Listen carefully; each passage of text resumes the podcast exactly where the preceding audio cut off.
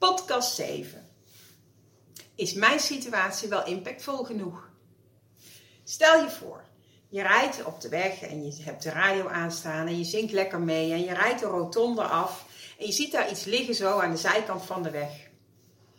En voordat je door hebt, schrik je een hoedje. Je adem stokt in je keel en merk je dat je gespannen reageert. Want je ziet een doodgereden kat liggen naast de weg. En sinds dat moment is alles anders.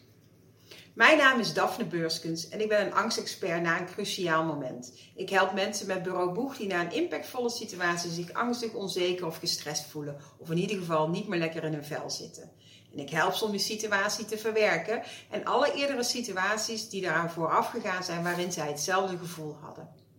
Mijn cliënten omschrijven mij als iemand waar je alles tegen vertelt. En weet je wat fijn is? Bij mij hoef je niet alles te vertellen, want in jouw hoofd kun jij aan de slag gaan met wat je meegemaakt hebt en de boel opheffen, zodat jij weer kan zijn wie je bent en kunt doen wat je wilt doen. In deze podcast neem ik je mee uh, in de vraag of een situatie wel impactvol genoeg is.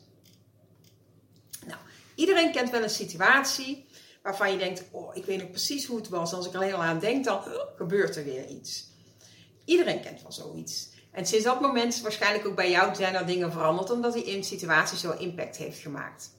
Kunnen grote momenten zijn: een auto-ongeluk, een brand, een overlijden van een dierbare, wat het ook is. Maar het was in ieder geval een groot, cruciaal moment in je leven.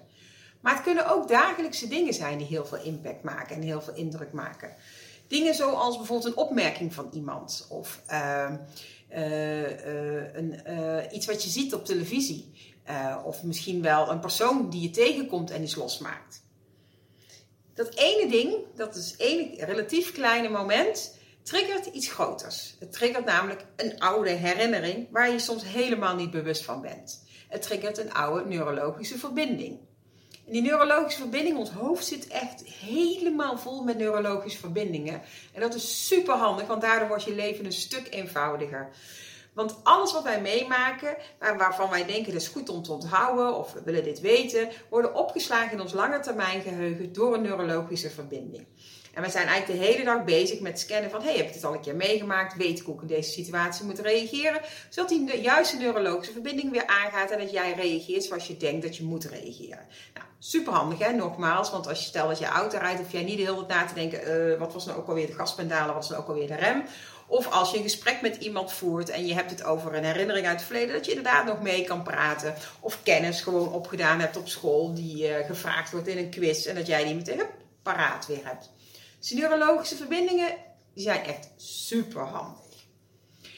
Nou, maar dingen die impact maken als kind of als volwassene of wanneer dan ook. Maar in ieder geval iets waarvan we denken, dit is belangrijk. Dit is, uh, ons zenuwstelsel is daar goed op aangegaan. Omdat het iets raakt in ons. Er zat een heftige emotie bij. Uh, daar komt een label bij, belangrijk. En wat ons brein doet, is eigenlijk de hele dag bezig checken van, hey, zijn er situaties die linken aan een vergelijkbare, aan een situatie die ik opgeslagen heb met een label belangrijk. Dus die is eigenlijk de hele tijd aan het kijken, is hier misschien iets wat me weer van slag kan maken of wat een bepaalde emotie oproept. En zodat hij weet hoe hij moet reageren en vanuit die eerste neurologische verbinding weer kan reageren. Nou, dan worden, komen we in ons leven behoorlijk veel vergelijkbare situaties uh, tegen. Dus aan die eerste